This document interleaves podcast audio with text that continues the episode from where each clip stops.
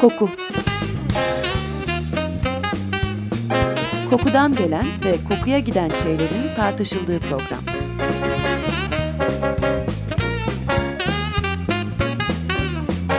Hazırlayan ve sunan Vedat Ozan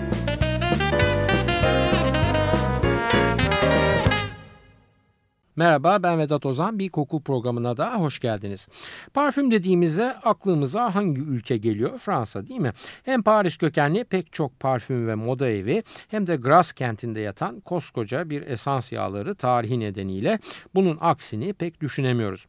Oysa doğal olarak bu işlerin merkezi hep Fransa ola gelmemiş ve Fransızlar da bir şekilde parfüm dünyasıyla tanışıp daha sonra o dünyaya damgalarını vurmuşlar. Peki bu tanışma ne zaman ve nasıl olmuş? Bugün Bugünkü konumuz da bu efendim. Fransa'yı parfümle tanıştıran İtalyan asıllı, daha doğrusu Floransalı bir kraliçe ve onun karanlık parfümcüsü. Fransızların parfüm sanatını öğrenmelerinin sebebi olan Renato Bianco'dan bahsedeceğiz. İlk telaffuz ettiğim kişi yani Floransa asıllı kraliçenin ismi Catherine de Medicis. Catherine de Medicis elbette pek çok konuda tarihe geçmiş bir isim ve adıyla beraber anılan pek çok günah var hanesine yazılmış. Bunlara da kısaca bakacağız tabii muhterem dönemi tanımak için ama esas konumuz Catherine de Medicis'in kokulu şeylere olan büyük aşkı ve bu koku aşkının Fransa gibi bir ülkede parfüm endüstrisinin doğmasına ve dünya lideri olmasına nasıl yol açtığı. Evet esas adı Caterina Maria Romula olan bu hanım 1519 yılında Floransa'da doğuyor. Bir uğursuz erken ölümler silsilesi var isminin etrafında bütün hayatı boyunca ve bu erken ölümlerde önce kendi anası ve babasıyla başlıyor. Zira Katerina doğduktan daha birkaç hafta geçmeden hem anası hem de babası ölüyorlar. Ailesi yani Medici'ler o dönem için yeni zengin diye adlandırılan soylu bir geçmişleri olmayan bir aile. Genelde aile üyeleri doktorluk ve eczacılık yaparken zaman içinde para işlerinin içine de giriyorlar. Banker olup büyük bir servete kavuşuyorlar ve bu sayede de özellikle Floransa dukalığının tarihine silinmez izler bırakıyorlar. Aile üyeleri arasında hem zengin iş adamları hem de papalar gibi dini ve siyasi kişilikler var. Zaten Katerina'nın amcası da bu papalardan biri. Annesi ve babasının doğumdan hemen sonra ölümünü üstüne Katerina büyük annesinin yanına veriliyor. Büyük annesinin yanından da papa seçilen amcası Clement VII'nin yanına yerleşiyor. Henüz 8 yaşındayken Medici hanedanı rakip bir aile tarafından alaşağı edilince Katerina da rehin alınıyor. Hanedanın gücünü geri kazanabilmesi için amca Papa Clement Kutsal Roma İmparatorluğu Charles'ı yardıma çağırmak zorunda kalıyor. Charles da ordusuyla gelip Floransa'yı kuşatıyor. Bu kuşatma sırasında kentin içindeki Medici karşıtı iktidar ailesi ve taraftarları o sıralarda 10 yaşında olan Katerina'yı bir eşeğe ters bindirip sokaklarda dolaştırıyorlar ve bu irade dışı küçük şehir gezisi sırasında kızgın halk bol bol küfür ediyor. İlave olarak da taş ve tükürük yağmuruna tutuyor kendisini. Hatırlatıyorum bu eza cefayı çekerken yaşındayken Katerina henüz 10 yaşında. Neyse sonunda şehri kuşatan Charles başarılı oluyor ve kente giren ordu Katerina'yı kurtarıp Roma'ya amcası Papa Clement'in yanına yolluyor. Clement de yeğenini gözünde yaşlarla karşılayıp kucaklıyor ve bağrına basıyor. Efendim o dönemlerde Avrupa'da böyle papaymış, kralmış, imparatormuş gibi önde gelen hanedanlar ve şahsiyetler arasında evlilikler ve bu evlilikler sayesinde ittifaklar kurup güç odakları oluşturmak pek revaçta. Katerina'nın da varlıklı ancak soylu olmayan bir geçmişi olduğu için soylu bir aile üyesiyle yapacağı evlilik ona da bir anlamda sınıf atlatacak. Amca Papa Clement hem bunun farkında hem de Katerina'yı iyi birine verirse kendine yeni bir ittifak oluşturup gücüne güç katacağının farkında tabii ki. Bu sebeplerden dolayı Papa yeğenine uygun bir eş arayışı içine giriyor hemen ve tabii o zamanlar böyle internet üzerinde arkadaşlık siteleri, Facebook'lar falan olmadığından Avrupa'nın dört bin yanına elçiler gönderiliyor ki kim uygundur, kim değildir bilinsin ve ona göre hareket edilsin. Bu arayışlar sonucunda uygun talip olarak Fransa kralı 1. Francis'in oğlu Henry yani Orleans dikü bulunuyor. Bulunuyor ve hemen söz kesilip Katerina apar topar Fransa'ya yola çıkıyor. Yola çıktığında hem Katerina yani Catherine de Medicis hem de kocası olacak olan Orleans dükü Henry henüz 15 yaşındalar. Hey 15'li 15'li Tokat yolları taşlı türküleri eşliğinde ve beraberinde geniş bir muhafız ordusu, sandıklarla altın ve gümüş, falcısı ve ilave olarak özel parfümcüsü Renato Bianco ile beraber Katerina Marsilya'da saraya avdet ediyor. Katerina huzura çıkar çıkmaz hemen yüzler buruşuyor. Zira bu 15'lik hatun ufak tefek, patlak gözlü, şişkin yüzlü ve Toskana Vadisi'nden ünlenen güzellikle pek de alakası olmayan bir kızcağız. Ama dediğim gibi bu evlilik olayında aşk falan söz konusu olmadığından ve tamamen güçler arası bir ittifak arayışı maksat olduğundan yapacak bir şey yok. Aşk maşk yok derken müstakbel koca tarafında bir aşk söz konusu ama o aşkın okları da Katerina'yı değil müstakbel kocasının kız arkadaşı Diane de Poitiers'i işaret ediyor. Zaten Orleans Dükü de daha sonraları karısı olmasına rağmen Katerina'yı hiç takmıyor ve metresi durumuna gelen Diane ile geçiriyor bütün vaktini. Diane'ın da bu ilişkiden güç alarak Katerina'yı hiçbir zaman bir tehdit olarak görmediği söyleniyor. Hatta süreç içinde kraliçeye rağmen bu metres ilişkisi o boyutlara geliyor ki kral resmi oturumlarda huzura elçi filan bile kabul ederken Diane'ın kucağına oturuyor, gitar çalıyor, onunla politika konuşuyor, göğüslerini okşuyor falan. Türlü rezalet yani. E resmi erken huzurunda kucağına kral oturtan metres kraliçeyi de tehdit görür mü haliyle görmüyor tabii ve hatta inadına Katerina ile yatağa girsin de tahta legal bir varis getirsin diye de sevgilisini teşvik ediyor. Neyse bunlar sonraki hikayeler biz dönelim Katerina'nın Marsilya'da müstakbel eşinin huzuruna ilk kabul edildiği sahneye. Evet papalığın kutsal gücüyle Fransa krallığının etkinliğini buluşturmak amacıyla planlanan ve hem kadın hem de erkeğin henüz 15 yaşında oldukları bu tanışma şöyle gerçekleşiyor. Genç kız yani Katerina kabul salonunun ortasına doğru ilerliyor. Yanında da attan inmesine yardım eden bir görevli var. Ta Floransa'dan geliyor bunu unutmayalım. Neden unutmayalım? Floransa ve Toskana Vadisi'ni görmüş olanlarınız o bölgenin iklimini, tertemiz havasını ve her daim mevcut bahar mevsimi kokularını hatırlayacaklardır. Katerina işte böyle temiz ve hoş kokulu bir ortamdan gelip leş gibi kokan bir şehrin sokaklarını at üstünde geçiyor. Geçtiği sokaklarda bayat balık, çürük sebzeler ve şarıl şarıl akan kanalizasyonlar var. Floransa'dakinin aksine Fransızlarda yıkanmak falan gibi bir adet de yok. O dönem için bir ihtimal eller bazen de ayaklar 2-3 haftada bir su yüzü görebiliyor ama mesela saçlara asla su dokunulmuyor. Bu nedenle kabul edildiği Marsilya Sarayı'nda Catherine de Medici'si karşılayan Fransız asillerinin de vücutlarından inanılmaz derecede kötü bir koku yükseliyor. Vücutlardaki kirin elbiselere sinmiş terin ve çürük dişli nefeslerin kokusuyla daha önce hiç rastlamadığı bir kabusun içine yürüyor yani kızcağız. Müstakbel eşi ve babasıyla tanışmak üzere ilerlerken. Tam kayınpederinin yani birinci Francis'in önüne geldiğinde zaten artık dayanamıyor ve fenalaşıp hafif bir baygınlık geçirerek yere doğru savrulu veriyor. Birinci Francis'in tabi gelininin bu algılarından haberi yok ve kendi kokularına alışmış insanların rahatlığıyla herhangi bir rahatsızlık falan hissetmiyor. Gelini de önüne doğru yığılır gibi olunca bunu hemen kızın saygısına yoruyor ve ayağını öpecek zannedip tevazu gösteriyor. O koltuk altlarından tutup tekrar doğrultuyor Katerina'yı. Doğrulttuktan sonra da kollarıyla kucaklayıp sevgi gösterisinde bulunuyor ve kızcağızın iyice canını okunuyor bu yakın temas sırasında. Neyse bu küçük olaydan sonra elinden tuttuğu kızı oğluna tanıştırıyor kral. Oğlu ve geleceğin kralı Orlean Dükü Arne'nin pek de umurunda değil Katerina. Çünkü demin anlattığım gibi onun ayrı sevgilisi var. Bu arada sevgilisi ve resmi metresi Diane de Poitiers'in 15 yaşındaki kralın kız arkadaşı olduğu dönemde kendisinden 20 yaş büyük yani 35 yaşında olduğunu da not olarak belirteyim. Arne'nin tek derdi metresi ve Katerina ile evlenmesinin sebebi de tahta varis üretmek. Bu üretme işlemi sırasında herhangi bir duygusal bağ kurulmasına da gerek yok. Allah ne verdiyse cinsel ilişkiye girip vazifelerini yapacaklar yani. Hatta evliliklerinin ilk gecesinde kral hazretleri yani damadın babası da yatak odalarında yatağın ayak ucunda durup oradaki faaliyetlerin şahidi oluyor. Evet tanıştırma işi bitip de ilk şaşkınlıklar geçince Fransızlar tabii öncelikle Katerina'nın beraberinde getirdiği hediyelerle ilgilenmeye başlıyorlar. Hiç görmedikleri şeyler var gelen avantalar arasında. Mesela gümüş veya altın top şeklinde bir takım nesneler. Bu nesnelerin çok benzerleri aynı zamanda gelen İtalyan heyetinin ve Katerina'nın boynunda falan da sallanıyor. Hatta şunu da fark ediyorlar ki Katerina ki Fransızlar ailesinin asil olmayan geçmişine kinaye olsun diye kendisini tüccar diye anıyorlar. Bu tüccar Katerina sürekli boynundan sallanan bu hoş görünümlü topu burnuna götürüp kokluyor.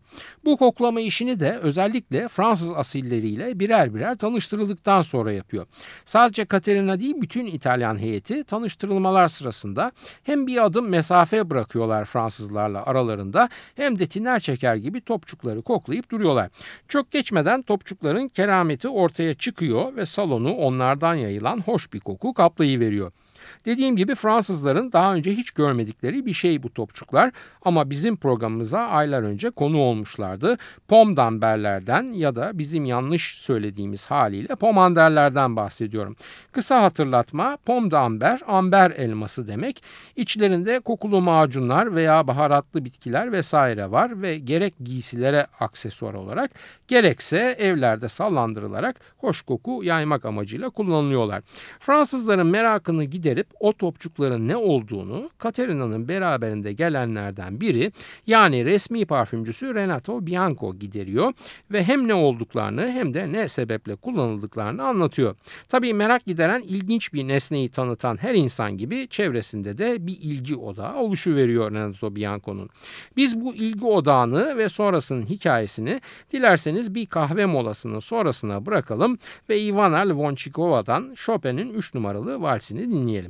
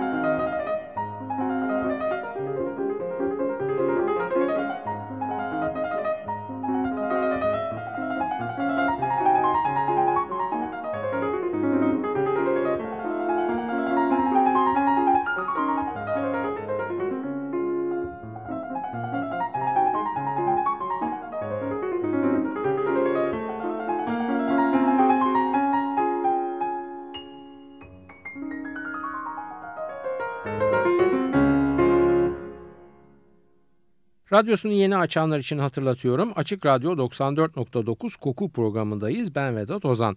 Chopin'in 3 numaralı valsini Ivana Lvonchikova'dan dinledik. Renato Bianco, Katerina'nın Floransa'dan Kral 1. Francis'in oğlu Orlean Dükü Henri ile evlenmek üzere geldiğinde ona eşlik eden heyetin içindeki önemli şahıs. Gerek Katerina gerekse beraberindeki heyetin Fransızların pis kokularından kaçmak için can kurtaran simidi gibi sarılıp tiner koklar gibi koklayıp durdukları pom d'amber veya Galata meşhur söylenişiyle Pomanderlerin hazırlayıcısı. Her zaman gülümseyen, Catherine de Medici's'in yanından hiç ayrılmayan, hafif efemine tavırları olduğu söylenen müthiş yetenekli, bir o kadar da hırslı bu muhterem Pomdamberlerin içindeki parfümlerin hazırlayıcısı. Hem Katerina için hazırlıyor bu parfümleri hem de el altından Katerina gibi kokmak isteyenlere daha ucuz fiyattan benzerlerini satıyor o seçkin parfümlerin. Hazırladığı parfümlerin gizli kopyalarını ancak kendisi yapabiliyor. Çünkü zamanında onun koku alma ve koku üretme yeteneklerinin yakınından dahi geçebilen kimse yok. Koku aleminin kralı ve Fransız koku endüstrisinin doğumunun tek sebebi olan bu karanlık kişilik. Catherine de Medicis ile beraber Fransız topraklarına ayak basan onun eseri hoş kokular ayak bastıkları andan itibaren bir ayrıcalık olup neredeyse bütün sosyal ilişkilerin düzenleyicisi oluyorlar. Peki kim bu adam? Ya Fransızların onu çağırdığı isimle René Le Florentin veya bizim bildiğimiz isimle Renato Bianco. Usta parfümcü veya İtalyanların taktığı isimle maestro Santa Maria Novella Kilisesi'ndeki rahipler tarafından sokakta terk edilmiş halde bulunan bir çocuk. Santa Maria Novella Kilisesi küçük ama şirin Floransa şehrinin güneydoğusu yönüne doğru bugünkü merkez tren istasyonunun yani Stazione Centrale'nin hemen arkasında yer alıyor. Kilise sokakta bulduğuna bedava niye baksın? Tabii hemen işe koşuyor buldukları veledi iki palazlanınca 12 yaşına geldiğinde geldiğinde olağan angaryalardan kurtulup ihtiyar bir rahibin bir simyacının yanında kapılanıyor. Bu ihtiyar simyacı ona Araplardan öğrendikleri damıtma tekniklerini bir güzel öğretiyor. Sadece öğrenmek değil tabii gerekli olan Renato'nun çok da kuvvetli bir burnu var ki koku işleri için tam biçilmiş bir kaftan. Hem algı hem de edinmekte olduğu bilgiler. Öyle bir yetişiyor ki ustası öldüğünde manastırdaki her rahipten çok daha fazla bilgi sahibi olan genç bir alim pozisyonunda. Bazı kaynaklar kilisenin içindeki entrikalardan falan bahsedip ustanın ölümünde de Renato'nun parmağı olduğundan bahsediyorlar. Ama o zamanlar tabii CSI dizilerindeki gibi durumlar falan olmadığı için bu iddia asla ispatlanamıyor. Hem ünlenme hırsı hem de yeteneği sayesinde edinmiş olduğu bilgileri ve bu bilgilerin ışığında hazırladığı envai çeşit kokulu sıvı, krem, pomdamber veya koku emdirilmiş eldivenlerle genç Catherine de Medicis'in huzuruna kabul ettiriyor kendini. Genç Katerina onun yaptığı kokulardan bilhassa da eldivenlerden o kadar etkileniyor ki o günden sonra resmi parfümcüsü olarak atıyor ve her gittiği yere beraberinde götürüyor. Bu arada bilgi için söyleyeyim Catherine de Medicis güzel bir kadın asla değil ancak bütün kaynaklar ellerinin güzelliğini anlata anlata bitiremiyorlar. Ne var ki çocukluğu baştan anlattığım gibi binbir ruh örselemesi ve travmayla geçen Katerina'nın kendisi herkesin bayıldığı ellerini hiç beğenmiyor ve üstüne de onlardan bayağı bir utanıyor. Bu nedenle de sürekli bugün opera eldiveni denilen dirseğe kadar uzun olan eldivenleri giyip ellerini saklamaya çalışıyor. Biliyorsunuz parfüm işleri de ilk başlarda eldivenlerdeki deri kokusunu bastırmak amacıyla derileri kokulandırmakla başladığından Renato Bianco veya diğer adıyla René Le Fantin e, hazırladığı kokulu eldivenler gardırobunun vazgeçilmezleri arasına giriyor. Hatta bu eldivenler Fransa'ya gelin gittiğinde de yanında olduklarından ve çok ilgi çektiklerinden orada da bir moda başlatıyorlar ve bu modanın sonucu da daha önceleri çok bahsetmiş olduğumuz Gras kenti eldiven ve parfümcülüğün önce başlangıcı sonra da merkezi oluveriyor. Dönelim René Florentin'a. René veya Renato, Katerina için son derece seçkin kokulu kompozisyonlar hazırlıyor. Demin dediğim gibi bunların daha ucuz benzerlerini de daha sonra el altından dihalasillere veriyor. Önce Marsilya, sonra da Paris'e Katerina ve falcısı Cosme Ruggieri ile beraber ayak bastıktan sonra Pont Change yakınında Pont Saint Michel yani bir köprü üzerinde yer alan şehrin en seçkin semtlerinden birinde bir dükkan açıyor. Paris'in o dönem için tek koku dükkanı olan bu dükkan elbette bütün Paris sosyetesinin buluşma yeri oluveriyor. Onun dükkanından alınan kokular şehrin ve kraliyetin kaymak tabakası için yavaş yavaş bir statü sembolü olmaya başlıyor. O kokular sayesinde Fransız asillerinin artık farkına varmaya başladıkları kötü vücut kokuları maskeleniyor. Sosyal ilişkilerde olumlu ilk izlenimlerin kapısı açılıyor ve bir kesim Fransızın yaşantısının olmazsa olmaz bir parçası oluveriyor her türlü kokulu ürün. Özellikle soğuk Paris günlerinde geniş ve mermer döşeli malikanelerinde buz gibi havada yıkanmayı bir türlü beceremeyen asiller de kokmayı kabullenip bu kokuları da René Le Florentin sayesinde bir anlamda deodorize ediyorlar. Yani kısaca René'nin Fransa ve özellikle Paris'e ayak basıp dükkanını açmasıyla beraber süre gelen bir sosyal probleminde çözümü ortaya çıkmış oluyor. Parfümlü ürünlerden hoşlanmasalar bile neredeyse tek varlık sebepleri saray çevresinde boy göstermek olan kont ve markiler hatta kontes ve markizler saray ortamına yerleşen bu alışkanlığın dışında kalma ve reddedilme riskine giremeyip soluğu Röne'nin dükkanında alıyorlar. Haliyle Röne'nin de serveti katlanarak büyümeye başlıyor. Hem servetinin yarattığı kıskançlık hem de sürekli bir takım ayak oyunları peşinde olması nedeniyle dostundan çok düşman ediniyor. Ancak hamisi kraliçe Catherine de Medicis'in korkusundan kimse ona ilişemiyor. Kraliçe ile ilişkisi o kadar yakın ve özel ki kendi dairesinden kraliçenin konaklamakta olduğu odaya gizli bir geçit inşa edildiği ve bu geçit sayesinde René'nin kimse daha koklamadan pek çok özel parfümü Katerina'nın kullanımına sunduğu söyleniyor. Parfümlerin formüllerini de sır gibi saklıyor ve bu nedenle heveslisi çok olsa da yaşadığı sürece pek bir rakibi olamıyor. Simyacılar elbette sadece koku üretmiyorlar ve René'nin veya Renato'nun da ölüm şekli şüpheli rahip ustasından öğrendiği sadece kokular hazırlamak değil.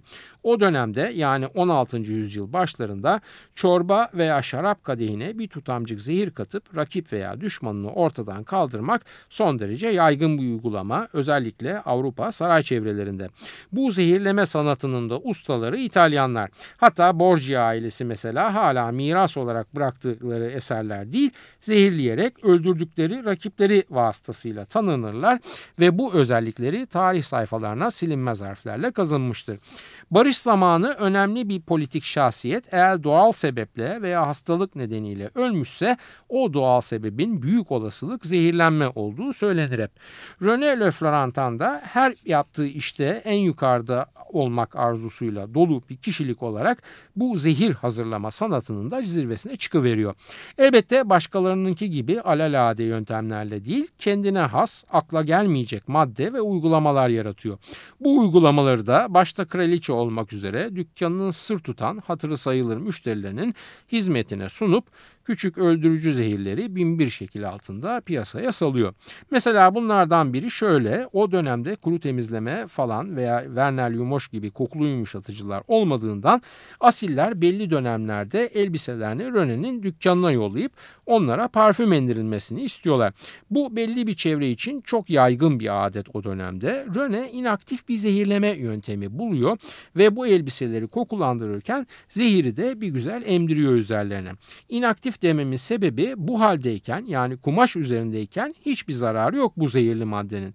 Ama bir kez giyilip de vücut ısısını görünce ve terle bir araya gelince yavaş yavaş gittikçe kuvvetli artan bir aside dönüşüyor ve giysinin sahibinin vücudunda garip garip yaralar oluşmaya başlıyor.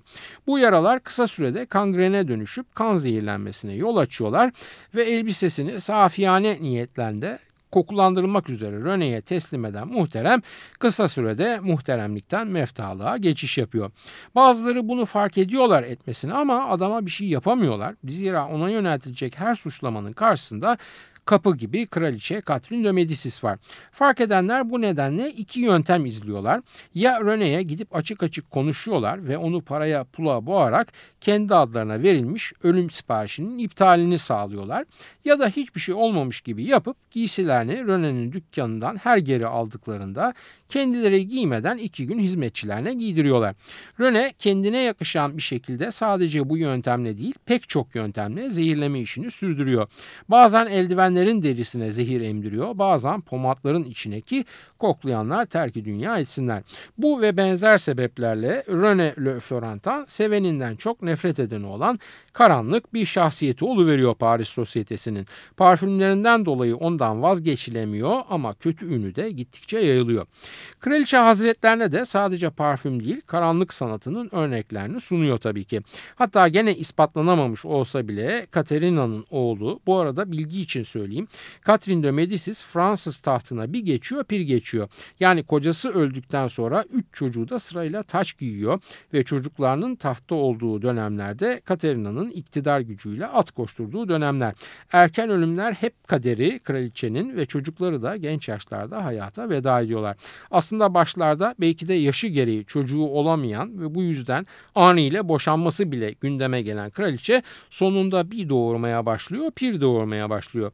7 çocuğu oluyor. 7 çocuğundan 3'ünün de tahta çıktığını düşünürsek bayağı verimli bir annelik hayatı geçirmiş diyebiliriz. İşte bu çocuklarından birinin kızının müstakbel eşinin annesi yani müstakbel eltisi Jean d'Albert'de René'ye hazırlatıp hediye gönderdiği bir çift eldivenle zehirlenip öldüğü söyleniyor Katerina tarafından. O dönem din savaşları dönemi Fransa'da bir yanda Katolikler bir yanda da Katolik adetlerine şiddetle karşı çıkan bir protestan sekti olan Huguenot hareketi var. Katerina Katoliklerin yanında yer alıyor ve onu tarihe geçiren bir başka olay da Aziz Bartolomeo günü katliamı. O katliam günü verdiği emirle kraliçe tek tek eldiven göndererek değil toptan bir harekette bulunarak bu işi çözmeye niyetleniyor ve inançsızlar dediği Huguenot veya protestanları bir gecede kılıçtan geçirtiyor. Başta Paris olmak üzere bütün Fransız şehirlerinde 24 Ağustos 1572 günü başlayan katliamda binlerce protestan öldürülüyor. Sadece Toulouse kentinde kılıçtan geçirilen protestan sayısının 3000'in üzerinde olduğu belirtiliyor kaynaklarda. Aslında Aziz Bartolomeo günü katliamı deniyor ama günden uzayıp bir mevsime yayılıyor neredeyse bu kıyam hareketi. Bu süreçte Paris'te öldürülenlerin sayısı 25 5 bin kişi olarak kayda geçmiş. Bu kadar katliam falan yapıyor ama Katerina'nın bir de ne de olsa Medicilikten gelme sanat hamiliği durumu var. Muhteşem zenginlikte bir resim koleksiyonu ediniyor. Ressam, müzisyen ve özellikle mimarlara sonsuz destek vererek kendine olumlu ve kalıcı bir isim yapmaya çalışıyor. Ama bir yandan sanat bir yanda kan olunca kan ağır basıyor elbette ve bugün ismi söylendiğinde akla ilk gelenler sebep olduğu ölümcül olaylar oluyor. Böyle bir kraliçenin parfümcüsü de balık baştan kokar hesabı elbette bir yandan kokular aleminin zirvesini oynayıp duyuların en soyutu üzerinden estetik harikalar yaratırken bir yandan da zehirleme ve katakulili işlerin tek adresi oluyor. Programımız bir tarih programı değil ama bütün bu olaylardan bahsetmeden bugün parfüm denilince ilk akla gelen ülke olan Fransa'da bu işlerin nasıl başladığını anlamak olanaksızdı. Bu arada aman atlamayalım tahmin edebileceğiniz gibi koku dünyasının başkenti olan Grasse kentine de parfümcüsü René Le Florentin'la beraber önemli bir ziyaret yapıyor Catherine de Medicis ve bu ziyaret sırasında da orada bir esans damıtma ve simya atölyesi kurulması talimatını veriyor. Buradan başlayarak ve hem kraliçe hem de René'nin ünüyle desteklenerek Floransa menşeli koku üretme ve çiçek damıtma teknikleri birebir uygulanıyor Gras kentinde. İklim ve doğal bitki örtüsü de yardımcı olunca Gras kentinin ünü ve önemi de tabii ki o günden bugüne kadar geliyor. Kenti aşıp ülkeye hatta dünyaya sığamıyor.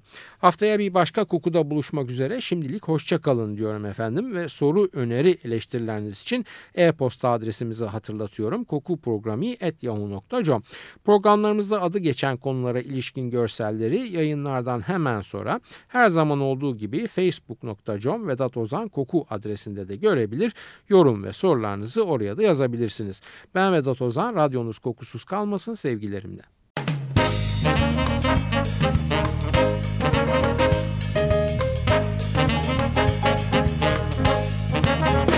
Koku Kokudan gelen ve kokuya giden şeylerin tartışıldığı program.